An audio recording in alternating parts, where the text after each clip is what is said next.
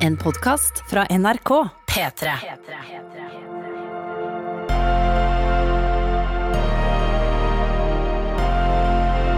I karantene med Ronny og Tuva.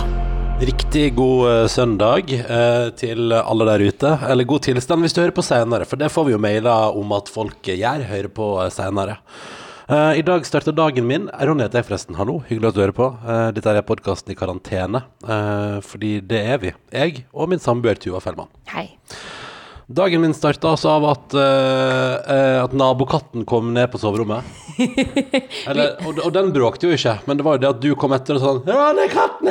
katten er inne! nei, du overdriver så mye. Nei, nei, nei. Jeg, altså fordi vi har verdens søteste nabokatt. Den er så Hva heter den igjen? Eh, Persia. Persia var det. Mm. Persia er den tredje, for det har vært to før. Ja. Eh, og den katten er altså så fin, eh, og sånn gyllenbrun, eh, og ganske sånn liten og nett. Eh, og når vi har veranda der oppe, så plutselig så stikker den hodet inn. Eh, og så har jeg på en måte vært litt usikker på hvor eh, liksom, hvor mye den kan komme inn til oss, på en måte. For jeg blir jo redd for at den skal finne noe, noe å spise der som den ikke burde spise, og da blir jeg bekymra. Bla, bla, bla. ja, ja. Det er noe noen ting å finne å spise her, tror jeg. Ja, fordi Uff oh, a meg. Ja, det er et annet kapittel, men Ja. hvor rotete det er her. Men uansett, da, så tassa den ned. Eh, Jeg så den gikk ned trappa til deg, og da hadde jeg prøvd å vekke deg mm, tre ganger allerede. Eh, og så gikk den ned, Så du hadde, så du hadde oh ja, for du, det, du lata som at det er helt tilfeldig at uh, jeg våkna. Å nei, våkna du Nei, jeg bare, du skjønner, jeg bare å styre med noe. her. Men det er bra du innrømmer at du Nei, nei fordi, men jeg sa det veldig stille, så sa jeg nei, nei, nei, du kan ikke, ikke gå inn på soverommet. Eh, og så gikk den liksom mot soverommet, så stoppa den, så gikk den inn på badet i stedet. Og så sa jeg nei, du kan ikke gå inn der. Og da gikk den ut, og så gikk den mot soverommet igjen, og da må jeg ærlig innrømme at jeg, jeg lot den gå. Så lot jeg den tasse inn til deg, så sa jeg sånn Nei, Ronny, nå kommer katten inn. ja, ja. ja.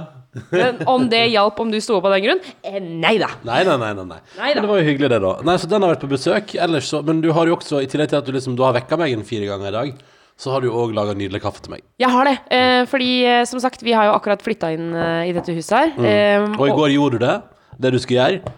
Ja! Du pakka opp fire pappesker. Jeg pakka opp fire pappesker. Jeg har vært så flink! Mm. Og det som kan jeg fortelle deg, fordi vi begynner å nærme oss slutten av flytteprosessen her. Ah. Men det som er det verste som fins, det er å ta de siste pappeskene. For det er pappesker som vi ikke har giddet å pakke opp. Og jeg ser at vi har åpna de flere ganger. Ja, ja, ja. Men det er pappeskene som er fulle av dritt. Ja, ja. Det som, er bare sånne sånne ting som er sånn hvor tok, hvorfor, hvorfor har vi ikke kasta dette, Ja, liksom? fordi, men, sannsynligvis fordi at det er én ting av verdi der oppe som vi bør beholde, og så er resten bare dritt. Men det har blitt med fordi man i et svakt øyeblikk i pakkeprosessen har latt det skli. Ja, sa Det var liksom en stund hvor vi bare Ok, alt dette her må bare nedi en pappeske. Ja, for du, jeg føler at eh, jeg, jeg tror du irriterer deg over at jeg veldig Jeg kan være litt sånn nøye. Jeg kan jo sitte og lese gjennom Eller sjekke, liksom For eksempel hvis det er en bunke papir, så går jeg gjennom alle. Mens jeg føler at av og til når, når Tuva får nok av f.eks. for eksempel flytting, når, det, når du kjenner at det bobler over, da er du sånn som på tegnefilm at du bare tar handa ut over bordet, og så bare drar du bo armen bortover bordet sånn at alt faller ned i eska, så er det sånn. Supert! Da var det gjort. Det, kan, det er sånn som du gjør mot tampen. da Men så det var gøy, fordi at eh, du har jo en sånn italiensk kaffekanne. Hva heter det? Bialetti? Ja, altså, det er ikke en Bialetti-kanne, altså, for Bialetti-kanne er et annet merke. Men jeg, det er en liksom lignende form, da. Mm. Ja. Eh, og som jeg kjøpte på et sånn gatemarked i en bitte liten italiensk eh, by. Mm. Eh, som jeg Altså, jeg har elsket den kaffekanna. Eh, da jeg bodde aleine, så brukte jeg den hver eneste dag. Mm. Men da jeg flytta sammen med deg, eh, så eh, fikk jeg vite at eh, Da kom det opp en frykt som jeg ikke visste at du hadde. Nemlig frykten for at den skulle eksplodere. Ja, sånn bitte lita kanne som du setter på, på, på, plata? på, plata på ovnen. Og som Ja. å koke liksom vann, dampe vann opp fra bunnen av, og så gjennom kaffen, og så Mm. kommer det ut på toppen. Eh, og, og, og du var sånn Jeg husker at du liksom var sånn Du kan ikke sette på den kanna, for den, den kan eksplodere. Jeg hadde, hørt, du det? jeg hadde hørt fra noen at det hadde skjedd. Ja, men altså, kjære Eller, det vil si, jeg, fikk, jeg, fikk, jeg fikk jo en sånn kanne sjøl i gave, som jo, den solgte vel du videre på finn.no for litt siden. Ja. Eh, fordi du hadde ei sjøl, og det, det er helt fair. Og det er bra at man eh, gir ting videre på Finn istedenfor å la det stå og råtne. Men poenget var at eh, det var gøy, for jeg fikk den. Jeg tror det var Jeg tror faktisk jeg fikk den i forbindelse med jobb. At, typ, om det var Ja, du hadde så- fått den i, på en P3 Morgen-greie. Ja, et eller annet sånt. Og da hadde jeg fått den, men da var, da var vi i et sånt rom med en litt sånn stor gjeng, og da var det Jeg fikk Jeg åpna den og bare Å, så stilig kaffekanne. Og så samtidig som jeg fikk den, var det noen da som sa sånn Ja, ja, ja, jeg har en venninne den eksploderte. Den rett i fjeset, og du. Fikk det kuttet. Og da var den banna fra livet ditt. Har aldri åpna den engang. Nei, fordi jeg husker Når jeg så det hjemme hos oss, så bare Her ligger det en kjempefin kaffekanne. Var det Bialetti? Det var Bialetti. Det var Bialetti. Eh, og, og du bare Nei, nei, den kan vi ikke bruke, den kan eksplodere. Så den må du, du må ikke åpne den engang. Du må ikke finne på å røre den. Men uh, du har iallfall da Fordi det som var gøy, var at her i går, så går tidlig, så sa du sånn Nei, vi har garantert kasta den kaffekanna mi, så kanskje bare skal bestille en ny på nettet, noe sånt vi har, for jeg har så lyst på sånn. Eh, og så sier jeg sånn Ja, ja, da kanskje du åpner de pappeskene først, da. Og så kommer du et par timer etterpå, og så er sånn Fant kanna. Ja, fant kanna. Så jeg fant den. Jeg fant også eh, en eh, shaker som jeg har arva etter mormor. Eh, Altså til å mikse drinker? Ja, til å mikse drinker. Den er Kjempefin. Sånn ordentlig eh, Jeg vet ikke om, eh, hvor hun har fått den fra, men den ser veldig fin ut, i hvert fall. Eh, og så eh, fant jeg også muffinsboksen min. Ja, muffinsboksen. For å frakte muffins. Ja, ikke sant. Og den, den er jo du så stolt av, den muffinsboksen. Å ja. Ja, men nei, nei, det var ikke sånn ment. var Men ikke du kritikk der. Oi, nå kommer sola òg. Nei, så hyggelig. Det er altså søndag ettermiddag, og døra har som sagt stått åpen her. Katten har vært innom og hilst på. Kaffe har blitt lagd. Det har vært en idyllisk eh, søndag morgen i husholdningen. Eh, og det har kokt i innboksen. Altså, eh, jeg må bare si igjen eh, det noe- fordi jeg tenkte jeg skulle ta, liksom, jeg skulle ta med et knippe e-poster som vi kunne lese opp i podkasten. Tuva var med et par, og så skal jeg bare telle hvor mange jeg hadde merka til å ta med, da. Ja, for jeg sa Da har jeg tatt med to mailer. Ja. Og så sa du ja, og så tatt med noen. Ja, hvor mange da, sa jeg. Ja, nei, Hva sa du da? Nei, jeg telte opp, og jeg har altså da merka 29 e-poster. Det, og det kan jeg bare si, eh, fra et radiofaglig perspektiv, eh, bare, det er altfor masse. Ja, det er tynt. Det, det, det går ikke. Det kan, det, du kan ikke lese 29 e-poster på, eh, på podkast eller på radio. Det går ikke. Men det som overrasker også, at du har lest da, altså vi, vi har jo fått inn veldig mange mailer, og så har du tenkt Jeg vil ta med disse nesten 30 mail, Altså på radioskolen Ja, så hadde du strøket. Jo, men nei, nei, men det er jo første grovsortering, og så glemt. Og så tenkte sånn, jeg går, jeg bare, nå, bare, nå bare tar jeg med alle som jeg tenker det er gøy å prate om og lese opp, Ja. og så kan jeg heller gjøre en grov sort, eller en ordentlig sortering senere. Eh, men det bare sier litt om, jeg beklager til, for det sier også litt om hvor masse vi faktisk har fått inn totalt, og, eh, og at vi har masse vi kunne prate om, men vi må være litt selektive. Beklager det, men tusen takk for alle e-poster vi har lest. Absolutt alle. Takk for all skryt av Har du forresten sett at folk har skrevet hyggelige ting på sånn der vurdering på den eh, iTunes? Å nei, det har jeg ikke sett! Altså, det har kommet inn masse der. Nei, så koselig! Ja, det er altså så Altså, jeg blir helt eh, Det er veldig, veldig hyggelig. Og det er jo stas at dere hører på der ute, så tusen takk for det. Og tusen Ja. takk for alle mailer. Eh, Et par ting, et par trekk som går igjen. Eh, mange der ute eh, tar karantene på alvor. Ja, det og, var deilig å lese, ass. ja, og veldig mange er eh, altså beint fram sinte. Vi har fått mailer fra helsepleiere og syke, altså sykepleiere som jobber i helsevesenet, som er utrolig lei seg for at de føler at alle rundt ikke forstår alvoret og ikke vet hvilken pandemi vi er på vei inn i. Eh, vi får mail fra alenemødre som har bitte små barn som eh, prøver å holde ungene sine fra å sosialisere seg, noe som må være helt umulig å forklare til en fireåring liksom, hvorfor du ikke kan henge med vennene dine. Altså, så mange folk som altså jobber ræva av seg for å holde karantenen oppe, og jeg forstår at dere er irritert i gjengen. Eh, Men så er det jo dette med dugnaden og solidaritet, da. Ja, men fordi, Vi kan ikke bli et samfunn som blir sure på hverandre nå. Vi må, vi må puste rolig. ja, fordi det som skjedde i går, var at du fikk eh, rett og slett litt uh, noia. eh, Ja. Fordi du følte at du var den eneste som satt inne. Jeg tenkte, følte at vi liksom overholdt så innmari den karantena, og så bare var det altså så masse på Dagsrevyen Nei, på Kveldsnytt på fredag var det altså så masse bilder av utepils og god stemning og skåling og folk i park, og jeg bare Ja, du fikk he Du var helt eh, Du var helt ja, knekt. Og så hadde jeg jo ikke Men- fått en eneste Skypefest-invitasjon heller, på en måte, så det var Nei, det var det de var så lei deg for. Men, Ja, fredag, ass. men, men det var det. Fordi eh, det som var så rart, var at rett etter at vi var ferdig, da kom jo meldingen om at uh, Oslo rett og slett har stoppa all skjenking. Ja, det kom i går kveld, det. Ja, så det, bare, det var ikke lov lenger. Og så viser innboksen at det er ikke bare du og jeg, Ronny, som tar dette, som, som sitter inne. Veldig mange andre sitter inne også, og tar det på, på alvor. Ja, ja, ja. Og, men det må jeg si at det var jo interessant, for da har altså da Raymond Johansen i Oslo Beklager, nå blir det veldig Oslo lokalt, men det er nå det er nå Norges største by, og, og det er ingen tvil om at uh, Altså, jeg, det, det kan jo ikke uh, Smittetallene er jo eh, det, det er flere som er smitta av korona i den byen der, det er det ingen tvil om. Og forkjølelsen Symptomer går. det er det ingen tvil om heller. Eh, og Raymond Johansen var ute fredag og sa nå får dere alle serveringsplassene én sjanse til. Uh, og hvis ikke stenger vi all skjenking. Og så får de en sjanse til på lørdag. Og allerede liksom i sånn seks-sju-tida på kvelden, lørdag kveld, da, så er det sånn Nei, nei, nei. nei. Steng alt. Ja. Stopp all alkoholservering i hovedstaden. Det går ikke. Og så så jeg da, det er, veldig, det er litt sånn interessant, for jeg sjekka ut Kveldsnytt i går òg, som da går klokka 11 på kvelden på NRK. Ingvild Bryn står der. Og da er altså overs overskriften er da uh, Oslo har stoppa all skjenking. Det er det første jeg sier. Oslo har stoppa all skjenking. Et par uteplasser. Oslo Høyre reagerer. De syns det er for masse, de syns det er for drøyt. Uh, eieren av den ærverdige plassen Lorry oh, ja, Lorris, ja. ja, Lorry, den, den ligger liksom i Hegdehaugsveien, Bogstadveien. Den ligger nedpå der. Og er en veldig ærverdig gammel plass. Ja, det var der alle de liksom store forfatterne gikk og drakk øl og sånn, var det Ja, ikke det? og nå er det jo der den politiske elite går. Altså Politikerne går dit, og, og her for et par år siden var det sånn, så viste det seg at kronprinsparet hadde vært på sånn eh, julemiddag med eh, masse sånn finans- og politi politikktopper i Norge, på Lorry, da. Så det Lorry er liksom Men sånn heter det ikke Lorris?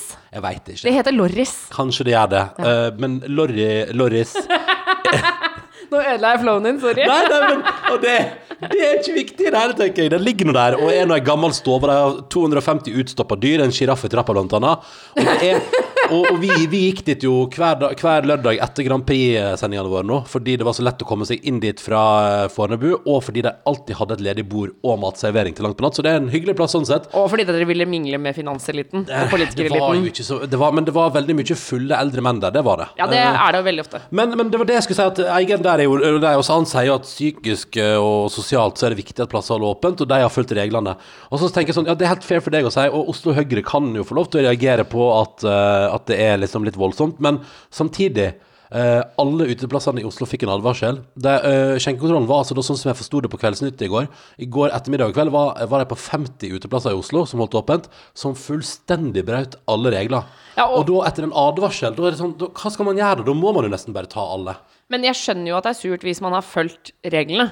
Det er jo, Ja. litt, sånn som, det er jo litt sånn som det vi har snakka om, å sitte her inne i karantene og ikke gå ut, ikke gå ut, ikke gå ut. Mm. Men det er jo litt, sånn, sånn, som at, litt, men det er litt sånn som at vi sitter her uh, og, og, og overholder kar- karantenen vår, jeg og du og mange av de som hører på, men at vi òg kanskje, fordi resten ikke gjør det, kanskje blir offer for et portforbud neste Ja, uke. ja, men jeg mener, og det er det jeg sier, at det er jo Jeg skjønner jo at det kan være irriterende. For, og for oss er det jo en ting at det bare Det handler om at man ikke får gått ut. Mm. Men for en bar så handler det jo om virke, liksom. Ja, det handler om omsetning, det handler om det å kunne Ja, ja, få det til å gå Og rundt. Ja. arbeidsplasser og tjo og hei. Ja, ja, ja, så selvfølgelig. Det er jo helt utrolig trist. Men det er liksom et eller annet med at eh, jeg, jeg tror at med at man tar det grepet nå, så kan det jo hende at man fortere kan komme tilbake til at alle kan få åpne igjen. Ja. Ikke bare de som serverer mat, men at alle barer kan få åpne. Og, og, og Kveldsnytt var også på besøk hos en utrolig trist herre som drev den indiske som ligger uh, rett ved siden av Parkteatret på Løkka der. Der ligger en sånn ny, relativt ny indisk. Ja. Uh, og han var òg meget lei seg i fjeset, han eh, som og, og liksom når han sto der og skjenka de to siste øla før skjenkinga slutta halv ni i går kveld. Eh, og jeg forstår jo at det, det må være et rent helvete, og det, det, det, kom jo, det kom jo til å bli restaurant- og bardød i hovedstaden etter det her.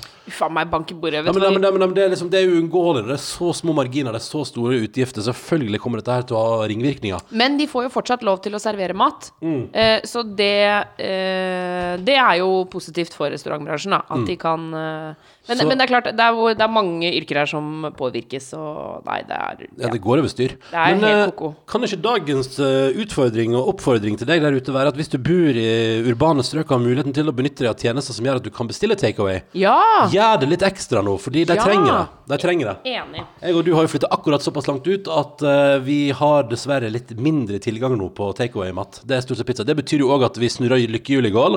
I går endte på takeaway-middag, men vi lagde fantastisk lasagne hjemme. Vi, vi lagde lasagne. Fordi det er en ting som er ganske positivt med den karantenen her. Det er at du og jeg lager sånn koselige middager Ja, sammen. det er drithyggelig. Det er Ja, er faktisk- superhyggelig. Eh, I det kaoset som foregår nå, så tenker jeg sånn Når vi, når vi drev og lagde lasagne og hørte på Death Cab for Cutie i går, da tenkte sånn Ja, men dette Og, jeg, og, og da tenkte jeg sånn Ja, men dette her Dette går fint. Dette går fint. Og det, en annen ting som vi kan trekke frem fra innboksen, det er at det er ekstremt mange folk som pusler. Vi er definitivt Ja, ja. ikke den eneste. Altså, det er en pusleklubb som regjerer Norge nå, det er det ingen tvil om. Det er, det, er helt sikkert og visst. Og i går så sa jo jeg at jeg er typen til å ikke legge rammen først. Mm. Uh, og jeg har jo en uh, venninne, Borgen, som blir helt gæren av at jeg sier det. Uh, fordi hun kan ikke skjønne at jeg vil gjøre noe så ulogisk. Men jeg har fått støtte i innboksen hvor det står Gratulerer. Eh, Hei, Ronny og Tuva. Eh, takk for en fin podkast. Eh, har gitt beskjed til typen om at når vi flytter sammen, så skal vi få oss lykkehjul med oppgaver og gleder, vi også. Ah. Veldig bra.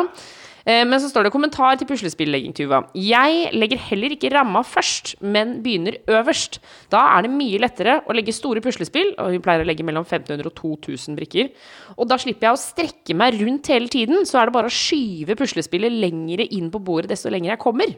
er Hilsen. Maren Angel. Maren Angel, der er du smart. Der er du god. god, er god. Eh, ja, men eh, en ting som skjedde Det har jeg ikke sagt til deg, Ronny, men i dag morges da jeg sto opp Ja. Jeg sto jo opp før deg. Så gikk jeg opp og så Du la deg før meg òg. Ja. Ja, ja, ja, ja, ja. Det var ikke Det var Nei, nei, diss der, Jeg kom liksom. på det nå at du la deg jo før meg òg. Ja, men jeg legger meg alltid før deg.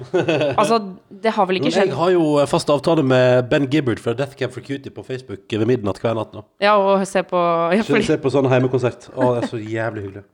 men, men det har ah, Jeg tror det nesten Det har kanskje skjedd to ganger så lenge vi har vært kjærester, at du har lagt deg før meg. Mm, ja, og det til tross for at jeg eh, Så lenge vi har vært kjærester omtrent, har jo stått opp klokka fem hver dag. Ja. Men uansett, da, så sto jeg opp, og, på litt kaffe. Eh, og eh, sto vi i dag, og da eh, tenkte jeg Nå tar jeg ned puslespillet. Hæ? Altså, det var, det var så nære. Jeg tenkte det gidder jeg ikke mer. Nå gidder jeg ikke mer. Og det var både fordi at jeg syns det blir helt ekstremt rotete her, Ja, det blir det eh, og jeg satt helt fast. Eh, fikk det ikke til. Så da bestemte jeg meg for å krype til korset, legge ramma. Så nå har jeg lagt ramma, og nå har jeg fått på plass mange flere biter. Ja, ikke sant. Ja, nettopp. Men det puslespillet, det blir ferdig i dag. Hvis ikke, så ryker det. Oi, det blir spennende. Har du tid til det, da? Det kommer an på hva jeg får på lykkehjulet. Åh, spennende. Da kan det jo hende at uh, Fenner må pakke ned hele sitt uh, puslespill i Ja, dag. fordi det, men, men, Bold sånn statement, madam. Ja, men Fordi på et eller annet punkt så må det puslespillet For nå begynner jeg å bli litt lei av det. Mm. Nå har jeg begynt å bli muggen på puslespillet, eh, og jeg vil ta den ned. Jeg, jeg vil bli ferdig. Ja, Da ønsker jeg deg lykke til, og så håper jeg at det går. Eller du håper jeg tar det ned? nei, nei, nei, altså, jeg syns jo det er hyggelig. Jeg liker jo når du, når du opplever mestringsfølelse, så det er bare topp, det. Okay. men hva med denne her? Fra eh, Emilie Johansen, som har sendt oss en e-post og skriver 'Takk for hyggelig podkast'. Takk for at du skriver hyggelig e-post, Emilie. Altså, det varmer så innmari. Jeg må bare si til alle dere vi ikke leste e-post fra, vi har lest alt, og det er altså så mye hyggelig. Tusen takk for alle mailer. Og jeg tenker jo at hvis det er noe jeg ikke rekker i dag, så kan jeg ta det med i morgen. Og hvis du har noe på hjertet, karantene.nrk.no er vår mailadresse. Emilie foreslår tips til aktivitet i disse karantenetider. Hun elsker å strikke. Det gir både ro og rom til å tenke på noe helt eh, annet. Kan du ikke strikke, så er det jo en perfekt tid nå for å prøve å lære det. Begynn f.eks. med lue eller en enkel genser, skriver Emilie, da. Eh, Som gleder seg til å høre fortsettelsen av karantenelivet vårt. Ta vare på hverandre, skriver hun. Ta vare på deg sjøl òg, Emilie, og alle rundt deg. Eh, Strikking Er det noe for deg? Nei, nei, det tror ikke jeg. Nei, nei jeg har ikke to, Nei, jeg, jeg skal laste ned Jeg skal finne med, jeg skal finne med noen nye mm, spill på Mac. Vet du hva jeg skal gjøre i dag? Nei. Jeg skal ta opp PlayStation. Skal du det? PlayStation ligger i en eske nede. Ja. I dag skal PlayStation opp. Ja, riktig. Jeg skal finne fram um, Jeg har to ting konkret. Jeg har, jeg har jo på Mac-en min installert og betalt for på AppStore Rollercoaster Tycoon 3. Hva er det du for bygger, du bygger fornøyelsespark. Eh, Er det sant? Ja, ja, så- Akkurat som SimCity, på en måte? ja, bare med fornøyelsespark, ja. Nei. Ja, ja, så det har Kan man ha det på PC også? Eh, Ja, det kan man. Uh, Så det har jeg kjøpt og betalt for for mange år siden og spilt masse. Det elsker jeg, og det vurderer jeg å begynne med igjen. Og så har min gode venn Ingve Han har altså da spilt den siste tida Theme Hospital, altså et godt gammeldags eh, spill der du bygger sykehus og får det til å gå. Altså same concept. Uh, Det heter visst et eller annet two-click eh, hospital eller noe sånt nå, men det er omtrent det samme spillet, og det skal jeg rett inn etterpå, for det fins visst til alt av Xbox, PlayStation, PC, Mac og sånn. Og det spilte jeg masse på 90-tallet, og det lurer på om jeg kanskje bare skal installere og spille på nytt nå. Men er det ikke farlig å spille Altså gå inn på spill fra 90-tallet eh, nå fordi du kommer til å bli så skuffa over grafikken? Nei, nei, nei, nei men For nå litt- kommer det til å se ut som sånn byggeklosser. Ja, ja, ja, det ser helt ræva ut, men det er jo en del av nostalgien. ikke sant? Det vil være rart for deg som kanskje ikke har spilt det før, men for meg som har vært borti det før, så er det jo at du besøker Det er litt som å se gamle filmer eller høre på gammel musikk. Du får så masse følelse av nostalgi at det gjør ikke noe. Du, du er helt forberedt på at grafikken er dritt. Det går helt fint. Okay. Så det er liksom de to tingene skal jeg utforske i dag, for har på har, nå har jeg lyst på et sånt spill som jeg kan bruke litt tid på. Eventuelt eh, så har jeg jo eh, Og dette her, nå skal jeg fortelle er en litt cheesy del av mitt liv, men jeg, jeg elsker å gjøre det, og jeg syns det er så Nå er jeg utrolig så koselig. spent! Ferievideo. Eh, Ja, ferievideo. ja. Nå trodde Ja. jeg du skulle si sånn derre YouPorn. nei, altså nei. si noe sånn At det er litt cheesy del, men jeg pleier å se på sånne romantiske porr-videoer. Nei, nei, nei. På storskjerm. Nei, nei, det er jo bare det at jeg, jeg eh, har jeg kjøpte meg GoPro for et par år siden, og har hatt med GoPro på alle våre ferier. Ja. eh, og laga små videoer etterpå fordi det er drithyggelig. Og det skal aldri ut i offentligheten eller noe sånt, men det er bare Det er altså så utrolig koselig minne å ha. Ja. Og jeg elsker å lage det. Og så syns jeg det er gøy at jeg får liksom vedlikeholdt lite grann det å klippe video. Ja, for du har jo gjort litt sånne ting før. Ja, og jeg tenker at er, jeg tror det er veldig sunt for meg i den eh, bransjen vi er i, og i de tidene vi er i. Så tenker jeg sånn, det skader iallfall ikke at jeg kan litt lett klipping i Adobe Premiere, liksom. Sånn at, eh, så det som, jeg, det som er, er at jeg har nå da eh, råmateriale fra vår tur til Brasil for Brasil. nesten et år siden. Og den har ikke jeg klippet ennå. Så den vurderer jeg å begynne på. Ah, Fader, turen til Brasil ah, Brasil anbefaler det som land å Ah. reise til. Feriedestinasjonen eh, Brasilia. Ja. Rio de Janeiro, en så spennende by. Både litt, eh, den er både skummel, spennende, eksotisk, fantastisk og utrolig vakker. Og byr på en følelse av New York og en følelse av strandparadis samtidig. Det er veldig fascinerende. Du har alt der, da. Ja, det, altså sånn, jeg syns det liksom å kjøre rundt i Rio var sånn eh, Kjøre fra strand inn i tett, tett by. Mm. Og så eh, husker jeg blant annet hvor Det var en tunnel vi ofte kjørte gjennom. Ja. Eh, liksom kjører inn i tunnelen fra sånn høye altså skyskrapere, liksom. Ja. Inn i tunnelen, og så når du kommer ut, så var det akkurat som du kom ut på liksom andre siden, at det var jungel. Ja. Det var bare sånn helt sånn lysegrønt og bare sånn tett, tett, tett skog, liksom. Og så rundt svingen, og så inn i byen igjen, liksom. Og så er det sånne massive fjell uh, Ja, ja, ja, ja, byen, liksom. Altså, det, det, nei, det var altså Det, Det var sånn Sogn og Fjordane komprimert inn i en storby. i et strandparadis, og som eh, også inneholdt New York. Ja. Altså det, for det er nede på Ipanema Beach der, ned mot stranda, i de siste kvartalene, så er det som å gå eh, på liksom Det er som å gå i Miami eller på, helt nede på bunnen av uh, Manhattan i New York. Det er litt sånn, det er ikke så høye bygninger, uh, men det er bare florerer av restauranter, av butikker, av alt mulig rart, og det er yrende folkeliv. Og det bare Nei, altså Også så masse god mat. Nei, vet du hva? Eh, konge, men- turen vår til Rio var helt suveren, ass. Men husker du også første dagen da vi kom dit? Så var jo du og jeg Altså, overtenning var jo bare en mild beskrivelse. Mm. Um, og skulle ned til stranda og bare yes, yes, yes. eh, første dag på ferie. Eh, og du vet sånn Når du er litt sånn nesten litt sånn gjennomsiktig i huden fordi man er så blek etter vinteren, Mm, og så kommer det til en sånn stekende sol. Og så eh, setter vi oss ned på stranda, og det kommer en dude gående som skal selge Caprinia.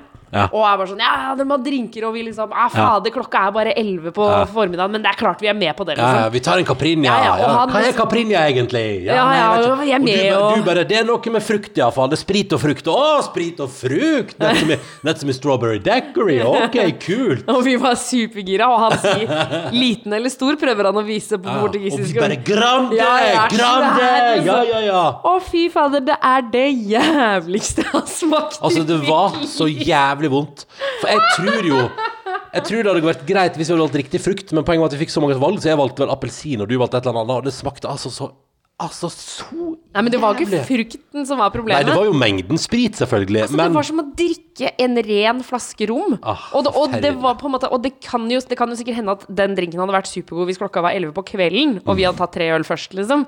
Men når vi akkurat hadde spist frokost eh, på hostellet, og så rett i sånn spritfylla, liksom, og jeg bare hvordan skal jeg klare å i det hele tatt Og så var den så svær! Ja, den var svær. Det var jo 0,75 Men det var glass, ingen av liksom. oss som drakk den opp. Nei, jeg helte den ut i stranda eh, forsiktig eh, når eh, ingen så. Og så gravde jeg sånn lite hull i sanda, og så helte jeg nedi, så tøkka jeg liksom sanda over igjen, sånn at ingen skulle se det. I redselen for, for at servitøren skulle tenke 'Å, hun likte den ikke'. Eh, og så forferdelig. Ja, men selvfølgelig, og, og det føles frekt. Altså sånn Herregud, Caprinia er jo sånn Jeg føler at det er sånn national treasure fra, fra Brasil. Ja. Så det å helle ut den, liksom Det er som at hvis eh, jeg hadde jobba som servitør, og det kom, eh, kom noen brasilianere dit, og de bestiller en, eh, liksom, noe muslibrød med brunost, Ja. og så bare sånn «Øh, Å, fy faen, så ekkelt! Så Ja, hadde men- jeg jo blitt litt sånn Åh, come on, da. Nei, men du hadde jo ledd litt, da. Og så er sånn Ha-ha, utlendinger. Ja, ja. La oss ta en mail fra Irene. Irene har sendt oss mail. Hei, Ronny og Tuva, skriver hun. Vi ser at antibac-en hennes også er en Rituals of Samurai. Det er jo vår favoritt-antibac for tiden. Hun bekrefta Irene at den lukta veldig mann, og det føles nesten som en liten sånn kjendis-antibac, fordi den har blitt så mye omtalt her. Ja, du har funnet det flotteste i en antibac som også lukter X eh, Africa. Oh, Rituals by Samurai. Eh, Å, for jeg skulle øvrig ønske du kunne voice reklamen til Rituals! For øvrig så bor hun i Sverige, da. Og siden hun da leser mest norske nettaviser og medier, og har mest venner hjemme i Norge, så føler hun seg nesten litt sånn kriminell når hun følger altså det svenske myndighetene sine råd. Ja. For der er alt altså så mye mer casual. Tenk på det, der sitter hun altså da uh, og, og, og, og føler på at eh, Å, shit, får jeg lov til det? Ja, her i Sverige får jeg lov til det. Det må være veldig rart. Jeg føler på en sånn eh, form for utroskap, altså koronautroskap, på en Ja, måte. kanskje. Men jeg, men eh, eh, altså, jeg skjønner jo det, men man, så skal man vel også følge det landet man bor i, da. Man skal akkurat det. Nei, vet du hva, hvis jeg hadde bodd i Sverige, så hadde jeg fulgt Jeg hadde kjørt innen karantene, jeg, altså. Ja, og det har jo Irene gjort. da. Og har masse rituals by samurai. Så det er bra. Gutt på 17 her skriver, bare for å svare på spørsmålet i går Jeg er ikke ute og drikker øl. Det er veldig bra, gutt på 17. Det har du heller ikke lov til. Uh, så det er bra. Og så har vi fått mail fra Isol Hekla Apeland, Uh, som skriver Hei, svarer på spørsmålet. Jeg er russ i år og holder meg hjemme. Så det blir et glass over Zoom med venner fra skolen i stedet for. Så der, ja.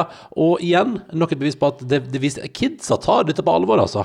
Ja, jeg tror, jeg tror det er de som er litt eldre enn oss, type mellom eh, 35 og oppover mot 50, kanskje, Mm. som er de verste. Ja, de, de, som er, de som kanskje har blitt vant til at man kan dure på som man vil i samfunnet. Ja, er kanskje eller sånn, jeg hørte eh, podkasten til eh, Cecilie Ramona Kåss Furuseth og Kaveh Rashidi og eh, Peder Kjøs, eh, som også snakka om det at det er utrolig uvant for oss og på en måte, Vi er så vant til å på en måte kunne måle etter Ja, men jeg føler meg sånn og sånn.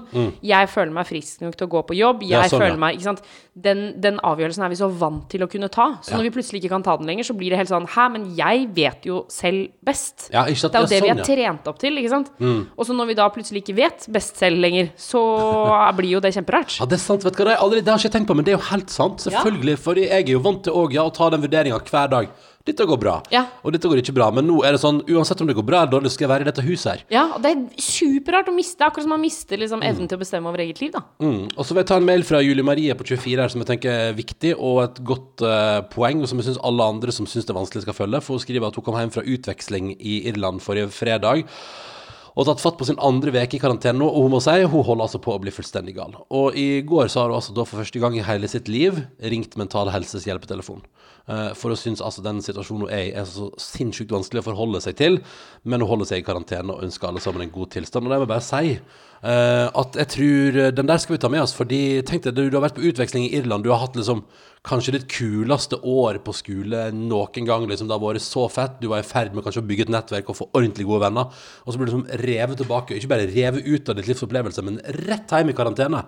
Og det må være knallhardt. Ja, ja, Eh, supervanskelig. og da tror jeg at eh, det som jeg synes var så fint med den mailen, var bare det at eh, når du kjenner at det virkelig bikker imot der ute, det må jeg bare si, fordi vi får masse mailer fra folk som syns det her er beint fram skikkelig vanskelig.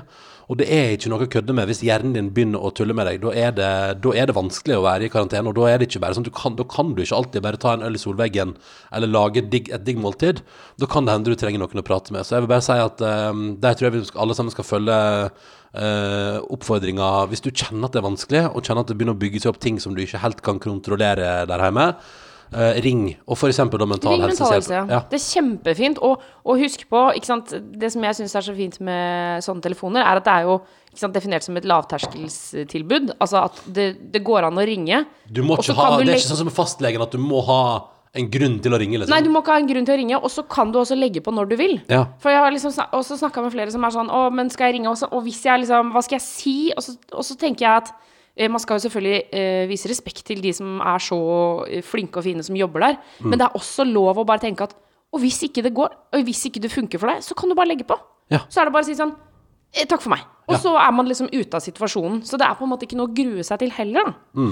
Eh, eh, jeg vil ta nok en e-post om det der med å være på utveksling. For jeg har også fått mail fra en trist utvekslingsstudent som bare vil ja, skryte av podkasten først, bla, bla, bla. Skal vi se. Le, men jeg går kanskje le, vil ikke lese opp alt. Skal vi se. Her, her står det. Denne koronatida ble jo virkelig kjip for meg da jeg eh, er, eller var nå faktisk på utveksling i USA. Men siden UD ville ha alle nordmenn hjem, så ble altså hele gjengen sendt hjemover. Og uh, hun hadde til og med Altså, da hun hadde 18 timer på å pakke sammen hele livet sitt i USA, så jeg har det til alle å komme seg på første fly hjem til Norge.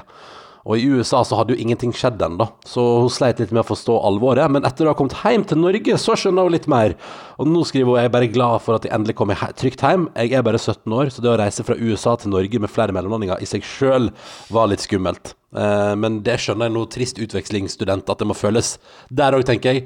Har du bygd en, spenn, en spennende opplevelse ute, og så blir det revet opp, og du må si ha det til alle vennene du har bygd Du har bygd vennskap i liksom kanskje da, Hvis du har vært der siden i høst, da.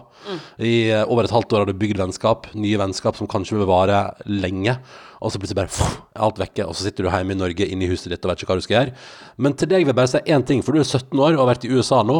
Og med, hvis du har hatt mot til å reise ut og utveksle i en alder av 17 på videregående, så det, det her kommer ikke til å være din siste opplevelse av å bo en annen plass, oppleve en ny del av verden, se helt nye ting og få nye venner. Så det kan du ta helt med ro at når den krisen her er over, så vil igjen du ha muligheten til å stikke ut, oppleve verden og få nye venner. Det kommer til å bli helt magisk. Så uh, du skal være glad du ikke er 78 eh, og ble sendt hjem fra utveksling. For da, ja, men, ja, men da er det brått ikke så veldig mange turer igjen. Hva er det for råd? Vær glad for at du ikke er gammel. Nei, nei, men altså, du skjønner hva jeg mener. Altså, en- en skjønner hva du 17-åring har hele livet foran seg. Du skal helt sikkert studere. Du vil få muligheten til Sånn som jeg. Jeg surrer og går og tok et halvår i London. Du har vært i Madrid, Tuva. Altså, det er så lett eh, i mange år fremover for deg, da, fordi du skal inn i studielivet. Er det så lett for deg å kunne ta flere reiser ut og oppleve verden, og det er nice. Ja, i, uh, altså jeg elska jo å være Jeg bodde i Madrid en halvår ish, liksom. Og gikk på sånn uh, halvveis god språkskole. Eh, og jobba som innkaster på utested. og levde altså Jobba som innkaster på sånn hardcore hiphop-klubb. ja, ja, ja. Hvor jeg skulle sette folk på VIP-lista. Og å sette pene jenter på VIP-lista. Det Ja. var min oppgave. Så det, og så fikk jeg betalt ut ifra hvor mange jenter jeg hadde på VIP-lista. Er det sant? Ja. Oi, shit. Ja, det var interessant greier. Men du, Ronny, en ting som jeg tenkte jeg skulle ta opp med deg. Eh, altså, nei, eh, nå, nå hørtes det ut som jeg skulle si noe kjempealvorlig. Ok. Ja, det kan vi kanskje ta Mulig du syns at dette er for privat, men en ting som har skjedd med meg etter at uh, vi har blitt satt i karantene, det er at jeg har begynt å tisse uten å lukke døra. Ja, det har du.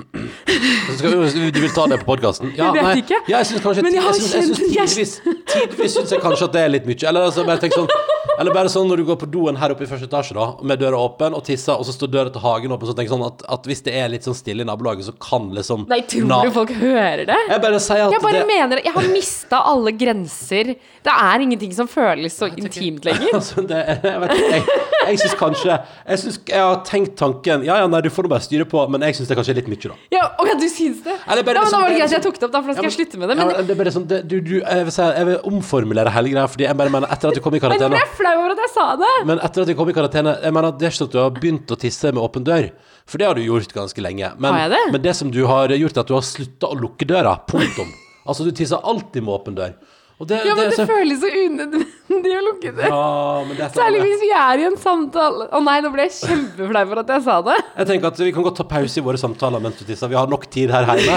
Til at vi kan ta pauser for at du skal tisse så eh, ta lukk døra eller, eller det Ok, som men nå skal jeg det- slutte med det, Men da. det som òg er gøy er at du av og til også bare gidder ikke å skru på lyset. Sånn at av og til, eller her en dag så gikk jeg forbi Jeg gikk forbi badet nede Og så er det litt sånn tidlig på morgenen Så det er helt, det er helt, be, det er helt bekmørkt. Døra står på vidt gap Og du sitter inne og tisser. Og da tenker jeg sånn der Ja, ja, nei, nei, du får nå bare Altså, at du ikke orker engang å skru på lysbryteren Tenker jeg litt sånn. Jeg synes det er alt for masse da Men, eh, men så bra at du tok det opp For da fikk vi debrief for det her Det er bra, det er bra Å nei, for jeg hadde ikke, for jeg hadde ikke, ga- jeg hadde ikke gadda å si fra om det hvis det ikke var på podkasten. Ja, for Eller da- siden du nå tok det opp. Du har jo ikke sagt noe. Nei, nei, du får styre på, og du må gjerne gjøre det. Jeg bare sier sånn at jeg har tenkt tanken Jøss, det var da voldsomt. Ok, ja, men, Men jeg da- blir ikke irritert. Jeg blir ikke irritert. Det er bare, det er bare litt sånn Ja, nå, som du sier, det er liksom Det er ingen sjenanse igjen, da. Ha det bra. Nei, nå er det på en måte Sendt på båten. Skal vi ta den mellom om bar-til-bar-runden? Ja, nei, er- først så skal vi ta en sak som jeg Det var egentlig det jeg skulle si. En sak som jeg har funnet som jeg føler passer veldig godt til deg. Ja. Og det er P3.no eh, som har skrevet den. Um, og det er altså en samlesak med folk som har rare matvaner. Oh, ja. Du er jo en type som er uh, Kresen? Ja, eller- og gjennom mange år så er du kjent for å være, ja, være veldig kresen. Ja da. Og eksempel hate sett, eh, altså, jeg mener All den tid jeg jobba i P3 Morgen, var det stort sett når jeg møtte nye folk, så var det stort sett uh, umiddelbar reaksjon var at de ville putte ting jeg ikke liker i munnen min. Uh, Ja, det, det, var mange år hvor vi holdt på med det, liksom. Åh, jeg ble så det, det ble, Til slutt ble jo det sånne ting Det ble liksom sånne ting som er sånn Å, kan vi, kan vi please ikke Kan vi ikke gå til det der med mat? Kan vi prøve å liksom holde oss unna det at jeg ikke liker ting? Ja. For det ble, etter hvert ble det jo sånn at jeg kunne liksom ikke møte nye folk uten at det var sånn Haha, jeg har noe greier du skal smake på, skjønner du, noe lokal eh, fisk som vi har gjort sånn og sånn med. Det ble litt sånn Ja, det ble litt mye til det. Altså, selvfølgelig, det er jo gøy, eh, og jeg har jo utvida mathorisontene noe enormt. Ja, fordi du, når du begynte i P3 Morgen, så hadde jo du f.eks. aldri spist thaimat. Nei. Men jeg har spist kinesisk på, på, Torgallmenn- Kinaen? på Kinaen i Førde og på Torgallmenningen i Bergen. Så da har jeg spist chop sui og kjøttkake. Du er et av de søteste menneskene jeg vet om. Eh, Du òg, til tross for at du tissa med døra åpen. Så det er greit. Å herregud, vi må, kan ikke snakke mer om det. Um, men i hvert fall eh, så har de samla Det er en liten samlesak eh, om folk som har uh, rare matvaner. Ja. Første er Ada på 22, som har smågodt i tacoen. Å ja. Altså hun har godteri i tacoen. ja. Ja, men det er litt som Jeg tenker at det er det, det, det å bruke ananas i tacoen next level, på en måte. Ja. Så det, den, jeg kan Ja, jeg, så når du sier det sånn, ja, så er det ikke så ille, ja. faktisk. For det kommer an på hvilken type smågodt det er. Men hvis Her er det det er sånne små vingummibjørner. Ja, for jeg vil anta at ja, men det er jo en forlengelse av ananas, det. Eh, det er rart, jeg vil aldri ha det. Men, eh, men jeg har jo lært meg til og med at jeg er jo veldig sånn Jeg hater ananas på pizza og sånn, men en gang spiste altså jeg og Tuva en taco på Isla Mueres i Mexico, og da var vi mm, Det var gøy. Det er jo det, er- Der er det jo eh, det er så mye drita nordamerikanere der. Canadiere, eh, amerikanere. Vi, har- vi, naboen vår var et par fra Canada som altså var grisedrita før åtte på morgenen. Altså Oi. Vi våkna av at de fyller røra, liksom. Og, og, og jeg tipper de var kanskje 48. Ja. Tipper jeg. Men altså, Isla Mujeres er jo en uh, bitte, bitte liten øy med en av verdens vakreste strender. Altså, jeg mener Altså, det er så vakkert Det der, er, liksom. det er liksom Når du ser for deg Hvis du skal prøve liksom å se for deg i hodet ditt hvordan en karibisk strand ser ut Dette ligger jo ved siden av Karibien, så jeg føler at det er liksom helt ok sammenligning. Men poenget Hvis du liksom skal se det for deg liksom i hodet ditt Så den, den har de på Isla Mujeres, på nordsida der. Der ligger den stranda som er Altså, det er liksom Det er alt Alle filmer om et paradis Det er liksom der, liksom. Ja. Dessverre er den også overfylt av veldig drita folk, så det, For det var altså skamdritt. Altså, vi tok båten over. Eh, da kom vi liksom, vi landa i Cancún, og så kjørte vi til en båthavn. Og så tar vi liksom ferjeaktig båt over. Mm. Og så sitter vi oppå taket der, og så er det en dude som begynner å spille, altså som ansatt på båten. da Ja, som, spiller på en over og får, får penger, da. Ja, så- Gatemusikant på båt. Ja, og det føltes liksom sånn Ja, det føltes ganske sånn turistifisert. Altså sånn, det Ja. føltes som sånn turist. Han Så kom det en dame rundt med litt handlekorg full av drikke, så kunne du kjøpe cola eller øl. Ja, ja. Og så foran oss så satt en amerikansk familie eh, med da mor, som jeg tipper er sånn 50-55, og datter som er ca. like gammel som oss. Mm. Og så Og de drikker øl, og det er tidlig på morgenen. De drikker, de drikker noe udefinert oppi kopper. Ja, det? sånn plastkopper. Ja, ja. Så det kan godt hende at det var liksom sprit, for alt jeg vet. og så sier eh, Og han står og sitter og spiller og synger noen meksikanske låter, og så roper hun Morra Så roper hun sånn Take your shirt off! og jeg bare Og nå graver jeg meg ned, tenkte jeg. Og hun datteren må jo dø av skam. Og da Men- tar det ti sekunder Eller ti sekunder, et par sekunder, og så roper datteren Yeah! Take it off! og jeg bare Å, herre min. Det var en bra betegnelse på hva vi skulle inn i. Poenget var at i dette turistgalskapens land Altså det fullstendige Altså det var en amerikansk spring break for alle aldre, uh, ja, der på en måte. Eh, men inni der, eh, og der er du da Plutselig så finner da jeg og Tuva liksom går gatelangs på jakt. Vi skal egentlig finne en restaurant som er blitt veldig anbefalt. i løpet var Lonely Planet. Eh, så vi skal liksom finne en sånn plass som har litt sånn, litt sånn speisa, rar pizzaaktig taco-hallais. Men så plutselig bare ser vi en fyr som står på hjørnet, og ser ut Sånn som jeg forsto det, han drev et vaskeri, men utenfor vaskeriet hans, der var det tre bord og en grill, og der sto han og mekka liksom hjemmelaga tacos, og Tuva bare Vi skal dit. Vi skal sette oss der, og vi skal spise taco. Og det, og vi setter oss ned, og vi får servert Og da er det sånn, ja, det er sånn der, ja, hva har du Nei, jeg har én type taco, ja. Ja, det, er med, det, er med det. er svinekjøtt, og det er masse sauser og tilbehør, og litt ananas og sånn. Uh, og så sier vi sånn, ja, har du øl? Ja, ja, jeg har øl. Vil dere ha en øl hver? Ja, det vil vi gjerne ha. Og så går det to sekunder, så kommer ungene hans springende ut og forsvinner bak et hjørne. Kommer tilbake igjen ett minutt senere fra butikken, og så får vi servert øl. På et tidspunkt senere spør vi kunne vi fått to nye øl. Og da, nok en gang, døtrene ut av huset, bort på butikken, tilbake igjen, vi får øl. Så det var tydeligvis ute og kjøpte øl etter hvert som du hadde bestilt, da. Men Ja, ja. poenget er at der serverte, og det er altså, der bare fant vi det sånn pur matlykke i det lille hjørnet innen sånn fyren. Med fantastiske tacos som bare, altså Og der var det den Fordi du hater jo ananas i mat, Mm. men den ananasen der Altså, det var så godt.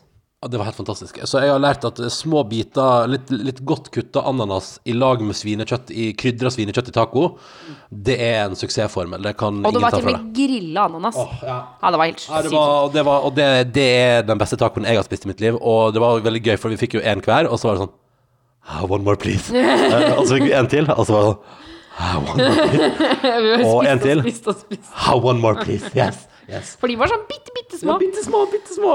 Men det gjør jo altså at ok, vi kan uh, ha forståelse kan for at. Mm. uh, man har smågodt i tacoen. Men så er det da Simon på 23 Ja. som har Hold deg fast, Ronny, du kommer til å få gulp i kjeften. Mm. Tunfisk og banan i salaten. Ting som du ikke setter pris på her i livet. Er, det er ingen, ingen respekt for. Ingen men, det, respekt men det sjokkerer meg ikke. Nei, egentlig ikke meg heller. For du legger opp til sånn der Å, fem minutter, fem minutter, men det er sånn Ja, nei, det, det folk har forskjellig Det er det som er så rart. Liksom, munnene våre og ganene våre fungerer altså så forskjellig. Så at, at Simon på 23 gjør det der, det kan jeg forstå, så lenge han ikke gjør det rundt mitt lunsjbord. ja, men, ja, men, Og så er det Malin på 23 som har knekkebrød med mais og ketsjup. ja, men det kunne du spist. Nei, Nei, kanskje ikke? tror du det? Jo, kanskje. ass. Altså, hvis, hvis det var ja, veldig tenker. Hvis det var dårlige tider, så kunne du spist det. Og så den siste, eh, som jeg tenker jeg skal ta med meg fra den saken. Henriette på 27 år. Hun spiser altså noe som definitivt Er det Henriette som jobber i P3? Eh, nei, det er ikke Henriette som jobber i P3. Ja, for det er typisk at det er sånn også Intro Nei, men, nei, men det er litt sånn så bare, bare typisk at det er sneken. det, At det er en som jobber i P3 der på en måte Som er liksom grunnen til at noen er sånn «Hæ, Gjør du det? Det må vi lage en sak om Ja, sånn, ja. At det var sånn At det liksom er sånn Og inni der Og vi, ikke, vi sier ikke det, men, men det er en av de jobber her ja. ja, ja, Og hun er helt sjuk i hodet. at, det er litt sånn liksom Men føre, føre Henriette på 27 år, hun spiser altså brødskive med rå karbonadedeig. Nei, men det tror ikke du skal Det tror ikke jeg er bra Og Det- jeg får i hvert fall frysninger ja, hvis, noen, hvis noen som kan eh, om eh, ernæring og sånt eh, hører på Er det Er det, Er det, det, ikke, kan det det er jo sånn tartar, liksom. Jeg, det, er, det sitter lengst inne av alt der, å spise rå karbonadedeig. Men vet du, oh! Line, Line Elvsåshagen pleier faktisk å spise litt rå karbonadedeig. Pleide. Pleide. Oh, ja, så- ja, ja, for nå har hun jo ja, Hun har oppdaga kjøttindustrien. Det kan jo Line fikser maten er òg en serie du kan se på NRK TV hvis du har litt tid til overs. Men hvis du, hvis du uh, kjenner at uh, Vet ikke om du orker mer sånn litt sånn tung uh, realisme, så kan du sjekke ut uh, en annen tips. Rådebank, ny dramaserie fra P3. Ja. Fra rånemiljøet i Bø. Det kan jo kanskje Det er litt sånn, jeg tenker sånn, det er ikke så korona og verden går under-orientert. Det er mer sånn råning og fest. Ja, det er gøy. Mm. Eh, men nå, eh, før vi avslutter, så skal vi ta med oss en eh, mail her. En fantastisk mail, for det er bare til bare-runden. Det er bare Det til er, det er det kuleste jeg har sett. Jeg lo høyt når jeg så mailen. Ja. Den må vi bare ta tak i. Ja. Det står Hei, Tuva. Hvem er det fra? Hvem er det fra? Det er fra Amalie. Amalie, Amalie. Du, er en legende. du og din kjæreste er legender. Fy søren. Hun skriver ehm, I går så hadde samboeren min og jeg tidenes beste date night. Eh, og sier, Det er veldig koselig. Han sier at de er inspirert av at eh, vi er så flinke til å lage eh, hygge i heimen. Eh, vi starta kvelden på Bar Bedroom med Margarita stasjon i vinduskarmen På soverommet der. på soverommet. Ja, så på soverommet så har de da lagd Margarita der baren ja, der, liksom. Det er bare der, ja. ja. Eh, og så går det Jeg har spist et bedre måltid på eh, Abdode. Det- Det ordet skjønner jeg, vet ikke jeg hva det betyr. Abdode? Abdode. Nei. Abdode. Abdode. Men uansett, restaurant. Eh, Og det er stua, da. det hvor det står, ikke sant? Er det, abode? Uh, humble abode? Nei, ikke. jo, Abode restaurant, kanskje. Ja, kanskje. Ja, jeg er jo ordblind, så på en måte for meg Dette var vanskelig for meg. Men uansett. Eh, hjemmelaga burger, og de skrev til og med brødet var nystekt, og rødvin. Og så så de Louis Capaldi live på fjernsynet i stua. Dansa. Vi fikk stå helt foran, og det var ingen kø på toalettet. Fantastisk. Vi avrunda kvelden med en øl på Balcony Rooftop Bar. Nice, nice, nice. Og skriver hun at så mye kos kan man altså ha det på 40 kvadrat. Eh, Oppfordrer alle til å bruke kreativiteten og holde seg hjemme. God tilstand. Hilsen Amalie. Og de har altså sendt med bilder. Og, og rooftop-baren, altså Balcony Rooftop Bar, har eget skilt. Å, de har laga eget skilt på verandadøren! Det Ja, er ja. altså fader så rått. Ja, det er veldig Vet du hva, det er altså så Det er så inspirational at det hjelper. Og på Louis Capaldi-konserten så er det da TV-en, og så Ja. er du vet de der små skiltene hvor du kan bytte ut bokstavene sjøl. Ja. Eh, og der har de da skrevet Louis Capaldi, som er sånn typisk som henger ute på sånn Ja. eh, engelske konserthaller, liksom. Ja, ja, ja. Eh, så da er det liksom Altså, det, bare Og så har de, har de pynta soverommet som en bar, og de har, laget, de har pynta stua som en restaurant. Og liksom, altså bare, det er bare altså, Tenk sånn Ja, det krever litt forberedelser, men fy fader, så gøy kveld man får av det. Ja. Og så gøy med Louis Capaldi-konsert i stua. Det er jo helt perfekt. Det her må jo bare alle la seg inspirere av. Det er kjempegøy. Nå kom jeg på at jeg satt og tissa i mørket. Ja. Nå virket det bare der? inn i hodet mitt. Ja, nå Ja. tror jeg vi skal gi oss. Vi gir oss der. Takk for i Tusen dag. takk, Amalie. Uh, og takk til Amalie for en mail. Og hvis du har lyst til å hive deg på med tanker, følelser, opplevelser, uh, tips, triks, dataspilltips f.eks., bare kjør på. Mata på. Eh, mailen vår er karantene at nrk.no. Tusen takk for at du hører på. Vi høres i morgen. Men, Vent, Ronny, vi har glemt lykkehjulet. Ja, lykkehjul må vi snurre. Det må vi. Jeg har til og med fjernet et par, lagt til et par. Uh, og jeg kan informere om at takeaway-middag nå er vekke siden den har blitt valgt to ganger. Uh, og bytta ut med dessverre noe kjedelig. Men det tar vi når vi kommer dit, for nå tenker jeg at eh, det er litt sånn surprise i, i hvilke ting som dukker opp. OK, lykkehjulet skal snurres. Kort forklart til de som ikke har hørt på podkasten før. Jo, vi har et lykkehjul i stova. Det har 24 tall man kan stoppe på. Hvert tall har tilegna seg enten en eh, husholdningsoppgave, altså rydding, vasking osv., eller for å gjøre dette her til et spennende lotteri, så kan du også vinne f.eks. taco til middag, pizza til middag, eh, at Tuva velger filmen, eller lignende. Bare et, altså ting som er digg, da. Ja. Is, sjokolade, du veit. Og jeg har eh, det siste døgnet rydda skapene i stua og pakket opp fire pappesker. Mm. Du har vært kjempeflink. Jeg har gjort en ekstrem innsats. Og det ekstrem betyr at vi da skal snurre hjul i dag òg, så det var bra vi huska det på tampen her. Ja. Og da er spørsmålet vil du eller jeg først? Jeg først. Da er du... Altså, jeg skal snurre først. OK, da snurrer du. Jeg snurrer for deg. Mm. Er du klar? Jeg er klar. Tror du du har flaks eller uflaks i dag? Det får vi se på når du kommer dit. Han liker ikke å spekulere, Ronny Bredde også. Elleve. 11. Og da skal jeg altså da i dag vaske klær. Åh. Ja, ja, ja. Men det vil jo si at du skal, du skal Det er mine klær også som skal vaskes, ikke bare dine egne. jeg. Det er veldig gøy, for vi er en som heter vaske klær, og så har jeg lagt en ny en som er vaske to maskiner med klær pluss skifte på senga. Men i dag vaske klær, altså. Okay, okay, okay. All right, er du klar, til å følge med Bo! Åh, kom igjen, jeg vil ha 13, 13, 13, 13, 13, 13, 13, 13, så kan jeg velge film i dag. Mm, 12, 13 Å, 14! Nei, fy fader! Er det mulig?! Nei, nei, ikke rop, ikke rop. 14. Mulig? Og 14, Tuva. Du fikk 14. Ja. Og Å nei, her- det der ser jeg jævlig. Det, det her er den som huset vårt trenger aller mest. Den treng, dette trenger huset vårt aller mest nå. Jeg vet hva det er. Hva er det da? Rydde soverommet. Det er helt rydde og vaske soverommet. Å, nå holdt jeg på å si altså, noe så stygt. Til, til meg? Nei, ikke til deg, til livet. Ja. Altså, jeg er så nærme å få 13. ja. Og jeg har gjort en så iherdig innsats det siste Jeg vet at du har gjort det. Og så fikk jeg den kjipeste av alle. Fordi kan jeg bare si, nede på soverommet vårt, så er det sånn at du har begynt å legge klærne dine i Jeg skal ta, vinduskarmen. jeg skal ta min side. Jeg skal rydde vekk alt som er på min side. Sånn at Ja, for du skal vaske klær uansett. ja, ja. ja, men da tar vi en innsats i dag. Det blir bra. Da kan vi styre på den i fellesskap. Ikke bli sint. Vi kan, altså, må vi droppe lykkehjulet? Nei Må da. vi ta lykkehjulet ut av Nei da. Må være lov å reagere. Ja, ja, ja. Eh, Og med det takker vi for i dag. Har du noen innspill, tanker, følelser? Karantene etter nrk.no. Nå gir vi oss. Vi skal altså da rydde og vaske soverommet og vaske klær. Eh, Og så håper vi at vi høres i morgen.